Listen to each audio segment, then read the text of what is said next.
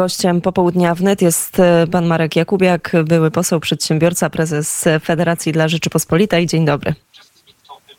Dzień dobry. Dziękujemy za czas dla słuchaczy Radia Wnet. Panie pośle, zacznijmy może od e, kryzysu energetycznego i e, od budowy atomu w Polsce. Wiemy, że te pierwsze elektrownie e, zbudują Stany Zjednoczone, a także Korea Południowa. Rząd zrezygnował z opcji francuskiego atomu. Tutaj pojawiają się już komentarze, że być może zaprowadzi nas to na pewną wojenną ścieżkę w Unii Europejskiej. Jak pan ocenia ten wybór? Nie mamy żadnych obowiązków wobec ani Niemiec, ani Francji. E, powiedziałbym, że nawet wręcz odwrotnie, to oni e, są nam sporo winni. Jedni nas zdradzili, a drudzy nas o świcie napadli. Więc, e, a dosłownie, proszę Państwa, w historii narodów te kilkadziesiąt lat to jest przecinek w zdaniu.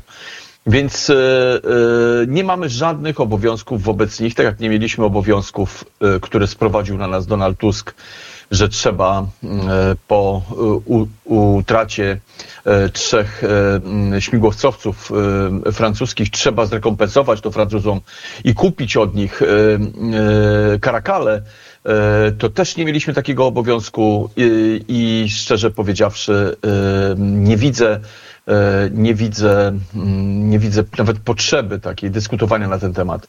My jesteśmy wolnym narodem, jesteśmy, mamy wolną myśl, mamy wolny wybór, zarabiamy swoje pieniądze, e, więc e, kupujemy tam, gdzie chcemy i co chcemy.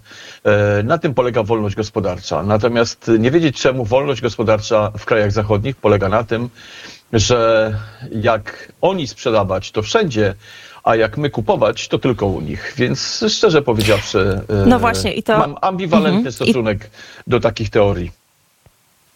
I to, o czym e, pan teraz e, e, wspomniał, czyli takie można powiedzieć pewne podwójne standardy, bo przypomniałam, przypomniało mi się, że wczoraj czytałam o tym, że te sankcje, które cały czas Unia Europejska nakłada na Rosję, no wcale, jak się okazuje, nie spowodowały zmniejszenia importu z Rosji, na przykład do Belgii, która teraz no. dużo więcej od Rosji kupuje, ale podobnie przecież jest chyba z Holandią, z Niemcami, a także z Hiszpanią. No i pytanie w takim razie, czy uważa pan, że jak w ogóle pan to ocenia i czy uważa pan, że e, uda się utrzymać w Unii Europejskiej pe pewną jedność, e, chociaż już teraz widzimy, że nie do końca to wychodzi?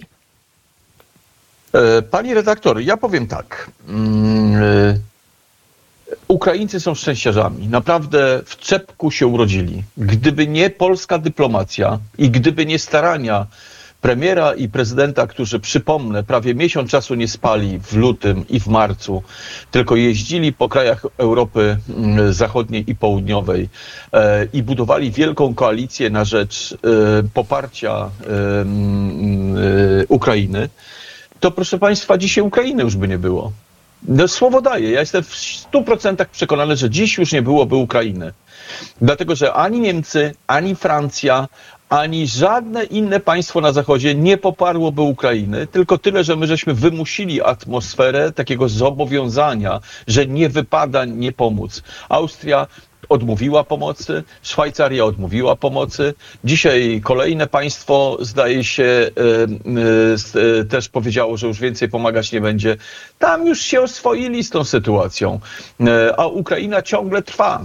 A proszę Państwa, geszewciki się zakończyły, więc tutaj premier Morawiecki, który pojechał wprost do Berlina i powiedział przed Bundestagiem 505 tysięcy hełmów, to jakieś żarty.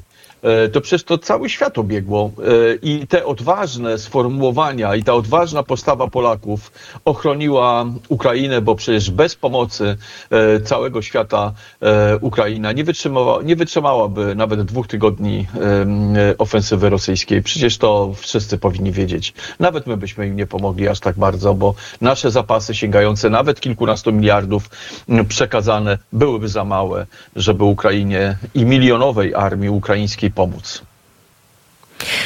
To prawda, że Polska jest tym chyba kluczowym państwem, które i udostępniło swoje terytorium, jest tym hubem, z którego płynie pomoc, ale też przyjęło e, przecież ogrom ludzi e, i no. mówi się teraz o, o, najprawdopodobniej o tym, że no na kolejne fale musimy się przygotować, bo przecież ataki na infrastrukturę e, energetyczną, infrastrukturę krytyczną i zbliżająca się zima, a z drugiej strony cały czas, chociażby to kilka dni temu, prawda, kolejna kara nałożona na Polskę 30 milionów euro, no i Pytanie, mm, panie pośle, czy pan sobie wyobraża, że będzie jakakolwiek szansa na to, aby ten, ten, pewien ład, y, pewien status w Unii Europejskiej przełamać, bo e, nadal to wygląda w ten sposób, że my tak naprawdę dosyć dużo dajemy, a na wszystko się godzimy i e, podobnie też wygląda z tymi karami. Czy widzi pan jakąś szansę, że to mogłoby się zmienić, że ta siła mm, z Francji, z Niemiec mogłaby się przenieść na przykład na mm, kraje Europy Środkowo-Wschodniej i gdzie w tym miejscu Polska?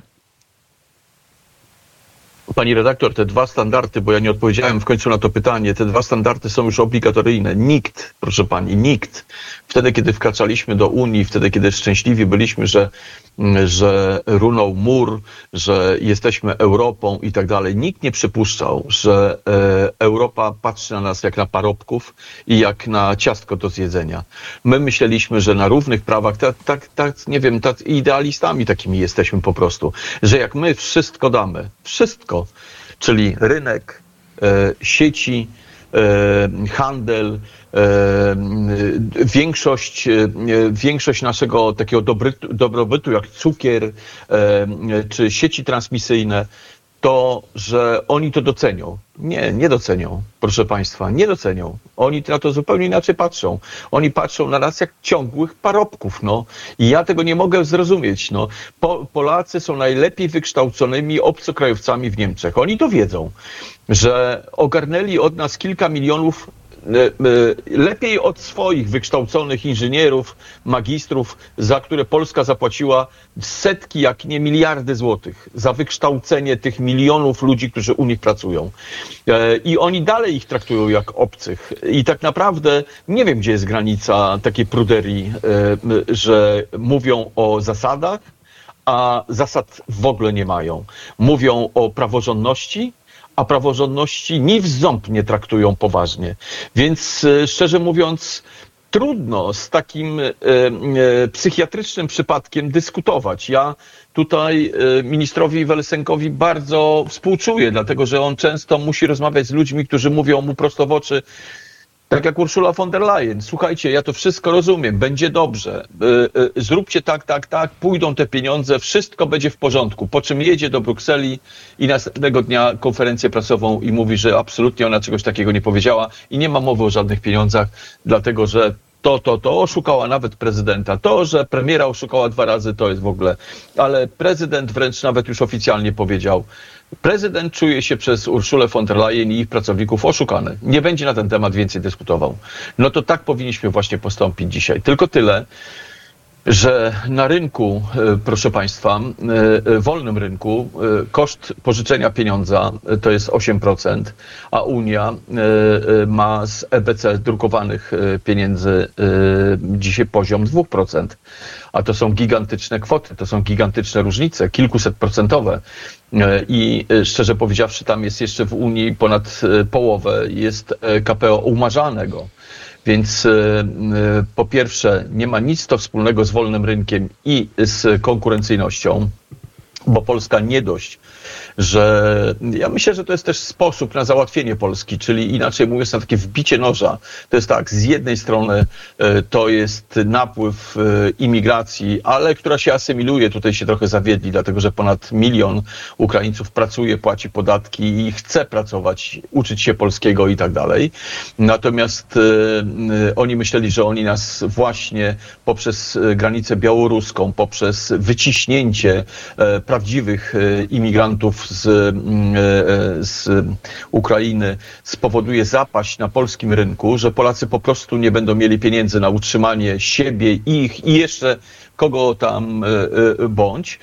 Przecież oni nam. Tylko panie pośle, wejdę tutaj, przepraszam, wejdę tutaj tylko w słowo, bo mm, to jest na ten moment, tak, wygląda stan faktyczny, ale musimy się spodziewać kolejnych bardzo dużych fal, tak, bo, bo niestety tak, widzimy, tak, co się dzieje, tak, na froncie. I to tak. jest taka wojna wojna na wyniszczenie, a pytanie, jak sobie poradzimy z kolejnymi, bo na ten moment faktycznie z jednej strony ogromne serca Polaków no, otworzyli swoje domy, przyjęliśmy tutaj osoby z Ukrainy, z drugiej strony to, co pan poseł mówi, to są osoby, które są podobne do nas i kulturowo, które szybko się aklimatyzują, duża część z nich zaczęła pracować, no ale też duża część z nich to są osoby starsze, to są matki z dziećmi, no i pytanie, co w momencie, kiedy będziemy mieli być może z dużą dozą prawdopodobieństwa kilka milionów kolejnych uchodźców za, za chwilę. Stąd Stąd inicjatywa budowania miast takich e, pod Kijowem, pod Lwowem e, dla uchodźców, żeby oni nie przechodzili na stronę polską, tylko żeby mieszkali u siebie.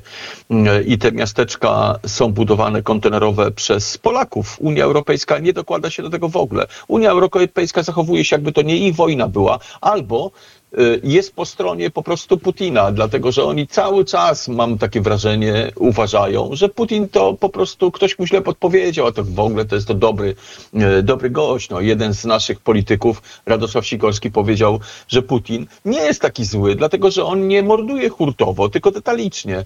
Więc mamy poziom hipokryzji po wszystkich stronach, a najgorsze jest to, że Unia Europejska w naszej opozycji ma partnera w mordowaniu y, polskiej rzeczywistości ekonomicznej. To, że my nie dostajemy z drugiej strony środków, że nam, po, że nam potrącają, co jest w ogóle jakimś absurdem. Proszę Państwa, za Turów nam kary potrącają. Jakie kary? Przecież tam nie było żadnego wyroku. Przecież to było zabezpieczenie. Problem dziś już nie istnieje, więc zabezpieczenie powinno być zwrócone. To, co pobrali, powinni nam zwrócić. E, a zabezpieczenie powinno przestać istnieć. Więc, bo przestał istnieć problem. Ja mówię tutaj o e, definicji prawnej zabezpieczenia. E, e, procesowego. Więc my mówimy tutaj, mało tego, mamy Trybunał Sprawiedliwości i Praw Człowieka, mamy CUE, proszę Państwa, my tam już swoich przedstawicieli nie mamy. Od roku czasu w jednym i w drugim przypadku e, jeden trybunał i drugi trybunał nie chce przyjąć propozycji polskich. Dacie wiarę?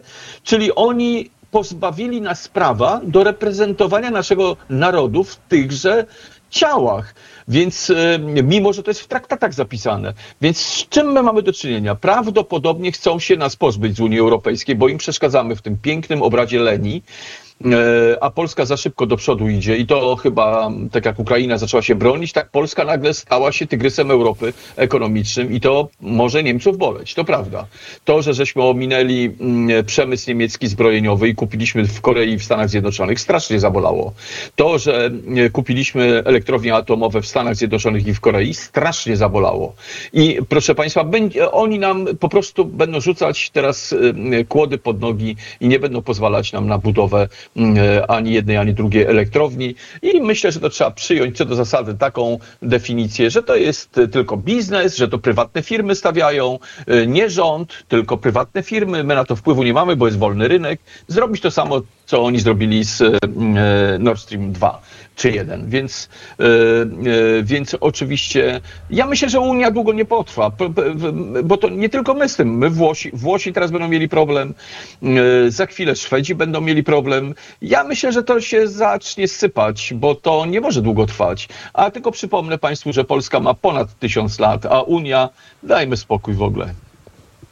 To tylko, tylko panie pośle, pojawia się pytanie, jaka alternatywa teraz e, dla tej Unii, bo my z jednej strony, jeżeli chodzi o kwestie bezpieczeństwa, to oczywiście mamy Pakt Północnoatlantycki, patrzymy w stronę Ameryki, no ale z drugiej strony, e, jeżeli uznalibyśmy, że faktycznie pokłócimy się tak mocno z e, Unią Europejską, która być może idzie po jakiejś równi pochyłej, ale już może tak teraz szeroko, szeroko nie patrzmy, no to gdzie, jaka alternatywa? Czy państwa Grupy Wyszehradzkiej, czy, ja? czy gdzieś bylibyśmy w stanie... Spud- mhm. Ja, pani redaktor, zwrócę uwagę tylko, że od kiedy Bismarck z, y, zrobił federację, y, tą Rzeszę niemiecką, to Niemcy gdziekolwiek by się nie wtrącili w cokolwiek, kończyło się wojną. E, I teraz dokładnie to samo robią. I szczerze powiedziawszy, nikt w 1935-1936 roku nie myślał o tym, że będzie dru druga wojna światowa, bo ofiary I wojny światowej były gigantyczne. Nikt po I wojnie światowej nie zakładał, że będzie wojna na skalę światową i to wywołana przez Niemcy. E, I proszę Państwa, to samo się dzisiaj dzieje, tylko tyle, że oni w, na szczęście są w takich sieciach lewackiego, e, lewackiego lenistwa. I tutaj oni zanim się pozbierają, to kilkadziesiąt lat minie. Natomiast my nie możemy tego czasu tracić, my się musimy po prostu mm, zająć sami sobą, czyli być egocentrykami w tej chwili. Bardzo ważne są przyszłe wybory, to jest po prostu... To jest, proszę Państwa, w przyszłe wybory, jeżeli Zjednoczona Prawica nie wygra, to stracimy Polskę, żeby byście byli świadomi, że to jest na 100%. Nie ma, oni nie widzą innego rozwiązania, jak tylko, tak jak Tusk mówi, 400 dni mi dajcie, tam 100, 400 dni. Sądy e, pozbawią e, Polski wszystkiego praktycznie. Uznają, że, że prawo unijne jest wyższe od Trybunału. Pewnie i Trybunał rozwiążą, z konstytucję zmienią i tak dalej, i tak dalej. Po prostu myślę, że Armagedon Polskę czeka, jak ten e, Donald Tusk e, dojdzie do, do władzy. On jest tak, on po prostu widać po oczach, że on, on wie, co on ma zrobić. On już ma scenariusz mm, napisany. Na Zachodzie najczęściej, dlatego że Polska jest potrzebna, ale nie jako jakaś mądrala tam za Odrą, tylko podległa, uległa, z czapeczką w ręku, zarabiająca tam tysiąc euro, może mniej. I tutaj tak naprawdę Niemcy Mają mieć wpływy, tak jak mieli wpływy za Donalda Tuska, wszechobecne. Nam, proszę Państwa, mm, w Urzędzie Rady Ministrów, w pokoju, zaraz koło Tuska, na korytarzu tym głównym, e, zagraniczna, nie będę wymieniał nazwy, zagraniczna firma, proszę Państwa, mm, prawnicza pisała w Polsce prawo, e, na skutek którego na przykład Polska stała się śmietnikiem Europy. I tyle. No. I jeżeli sobie premier pozwala na takie rzeczy, to proszę Państwa, trzeba mieć po prostu trochę pamięci. No. Trzeba sobie przypomnieć, jak to było. E, I szczerze mówiąc, tego fałszywca, e, konfabulanta Tuska, po prostu nie należy brać, znaczy należy brać poważnie, że on tam startuje, e, idzie po, po, po, po bandzie równo. Natomiast nawet jeżeli Zjednoczona Prawica wygra wybory, to oni już kombinują, jak je unieważnić prawnie przez Sąd Najwyższy, a jeżeli nie, to wyjdą na ulicę i będą krzyczeli, że zostały sfałszowane, nie mając żadnych dowodów na to, ale czy im dowody są w ogóle do czegokolwiek potrzebne, czy im prawda jest do czegokolwiek potrzebna, oni mają własną prawdę. No. Oni, oni chcieli przekop wybudować i się okazało, że tam jeszcze za Prusaków chcieli ten przekop zrobić, proszę Państwa. E, oni chcieli, e, e, oni chcieli E, e, budować e, ten PCK, jak powiedzieć. CPK, CPK Centralny Port Wszystko, Komunikacyjny. Oni już tak. 500 plus dawali, tylko że niestety w szufladzie ktoś zgubił i tak dalej. Oni wszystko już, że tak powiem, dadzą, zrobią, tylko władzę przejąć. No. Władzę przejmą po to, żebyśmy Polskę stracili. Tak, no typowa, typowa walka o władzę. Myślę, że Polacy i mają dobrą pamięć i też są mądrzy, po prostu nie, wiedzą, jak powinni głosować. Walka. To nie jest typowa walka, pani redaktor. Typowa walka polityczna to jest na programy, to jest na mądrość, na zwolenników, a tutaj podzielono naród. Naród się nienawidzi. Ja widzę po Twitterze, co się dzieje. Ja blokuję dziennie hamstwa w kilkuset odsłonach. Troli, którzy wczoraj, przedwczoraj konta zakładali, a już dzisiaj obrażają. Więc my mamy do czynienia z automatami, które pracują za czyjeś pieniądze. One za darmo tego nie robią. I Polskę się dzieli za niemieckie pieniądze. Jestem przekonany o tym. Powiedziałam tak, typowa walka o władzę w polityce, bo niestety gdziekolwiek byśmy się nie rozejrzeli, to, to te standardy wyglądają podobnie, chociaż życzylibyśmy sobie oczywiście tego, aby typowa walka o władzę także w polityce e, była po prostu grą fair play, no ale rzeczywistość e, wygląda nieco inaczej. Jeszcze jedno pytanie na moment, e, odejdźmy od polityki, chociaż to też jest oczywiście powiązane. Pytanie mhm. do pana jako do przedsiębiorcy, osoby, która przecież też na pewno bardzo mocno odczuwa wszystkie te turbulencje, które dzieją się, jeżeli chodzi o gospodarkę, bo i właśnie inflacja i kryzys energetyczny. Proszę powiedzieć, jak ocenia pan sytuację polskich przedsiębiorców dziś? No źle, no. Źle, bardzo źle. E, dlatego też ja tam wnioskowałem, ale nie wiem, czy to wezmą pod uwagę, żeby wprowadzić instytucję hibernacji przedsiębiorstwa. Jeżeli e, nie będzie instytucji hibernacji przedsiębiorstwa, to rzecznik e, małych i średnich przedsiębiorstw mówił, że już 200 tysięcy firm się zamknęło. Więc e, mamy do czynienia z 20% już zamknięć firm. To jest, proszę Państwa, nie można nie może ciągle podnosić cen mm, produktów, dlatego że inne ceny rosną, dlatego że jest gdzieś pułap, po, po którym produkt się już nie sprzeda. I, I, do tego pułapu już dochodzą polskie produkty. Oczywiście na tym skorzystają zachodnie koncerny, dlatego że w swoich sieciach będą sprowadzali znacznie tańsze, dotowane e, na zachodzie produkty po to, żeby polskich przedsiębiorców wyciąć. E, I, e, I szczerze mówiąc, no jest źle, jest źle. Ja nie obwiniam tu nikogo, bo to jest kryzys, to jest wojna, tutaj jest inflacja ogólnoeuropejska, po prostu jest źle. Ja nie pamiętam, powiem szczerze, trochę lat żyję, w biznesie jestem od 90 roku i ja nie pamiętam takich czasów, jak teraz nadchodzą. Bo oczywiście ten kryzys spowodowany jest głównie czynnikami e, zewnętrznymi. No to tak. jest kryzys, który dotyka faktycznie wszystkich, nie tylko Polskę, też wszystkich dookoła, no ale z drugiej strony e, musimy też oceniać i musimy się przyglądać działaniom rządu, temu w jaki sposób reagujemy. Pan ocenia, że mm, zrobiono wystarczająco dużo, te tarcze antyinflacyjne, te propozycje dla polskich przedsiębiorców, czy ma pan jakieś inne pomysły? Ja pytam po prostu jako osobę, no, która mhm, wiele mhm. lat zajmowała się biznesem, tak? Znaczy, rzecz w tym, że hibernacja powinna dotyczyć przedsiębiorców, którzy mówią stop, ja już nie dam rady, a ma fabrykę na przykład. Ta fabryka kosztowała, no, no powiedzmy sobie, jedno, dwa pokolenia e, pracy.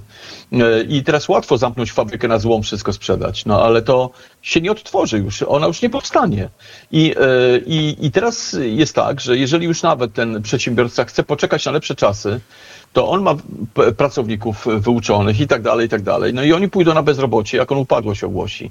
Natomiast jeżeli zahibernuje tą swoją firmę, na przykład na okres jednego czy dwóch lat, no to jak ogłosi upadłość, pracownicy idą na tak zwany e, fundusz z e, urzędu, z ZUS-u i w tym przypadku też tak powinno być. Firma powinna być zahibernowana. Jej nie powinno nic dotyczyć. Ona za dwa lata powinna po kryzysie odpalić i pójść do przodu. A tak stracimy to, co budowaliśmy przez lata. I taka jest moja rada, że nie chodzi o to tak naprawdę Chociaż też cholera też chodzi o to, żeby ludzie, żeby, żeby ludzie na, na bruk nie poszli, bo oni muszą też z czegoś jeść, z czegoś żyć. Dzieci ich muszą chodzić do szkoły i muszą na to mieć środki. Natomiast e, cała e, pomoc była skierowana na ludzi, a nie na przedsiębiorstwa. Czyli inaczej mówiąc, na jednego pracownika była dotacja e, i te pieniądze szły na pensję tak naprawdę. To była bardzo duża pomoc w chwili, kiedy przedsiębiorstwo właśnie hibernuje, tylko że cała reszta podatków była aktywna i wykańczała te przedsiębiorstwa. E, mówię tu o COVID-zie, tym piorun jasny. To chyba to, to, to było najgorsze, że zmieniły się zupełnie nastroje ludzkie, y, y, y, usposobienia ludzkie się zmieniły, wszystko się zmieniło. COVID zmienił w ogóle e, twarz rynku. E, natomiast potem jeszcze do tego doszła Ukraina, mm, potem doszły do tego ceny energii przez tych wariatów, Timmermansów i tych innych. E, I proszę Państwa, mamy dzisiaj e, i dość poważną inflację, i dość poważny kłopot, bo ten kłopot będzie polegał na tym, że Polska jeżeli nie będzie miała własnej gospodarki, to się nie będzie rozwijała, bo z czego podatki? Przecież to przemysł buduje podatki, a nie e, urzędnicy. Bo to im się tak wydaje, ale to nie, nieprawda. To przemysł. Ci, którzy tworzą produkty, e, e, Polskę wyprowadzają, a nie ci, którzy konsumują te produkty.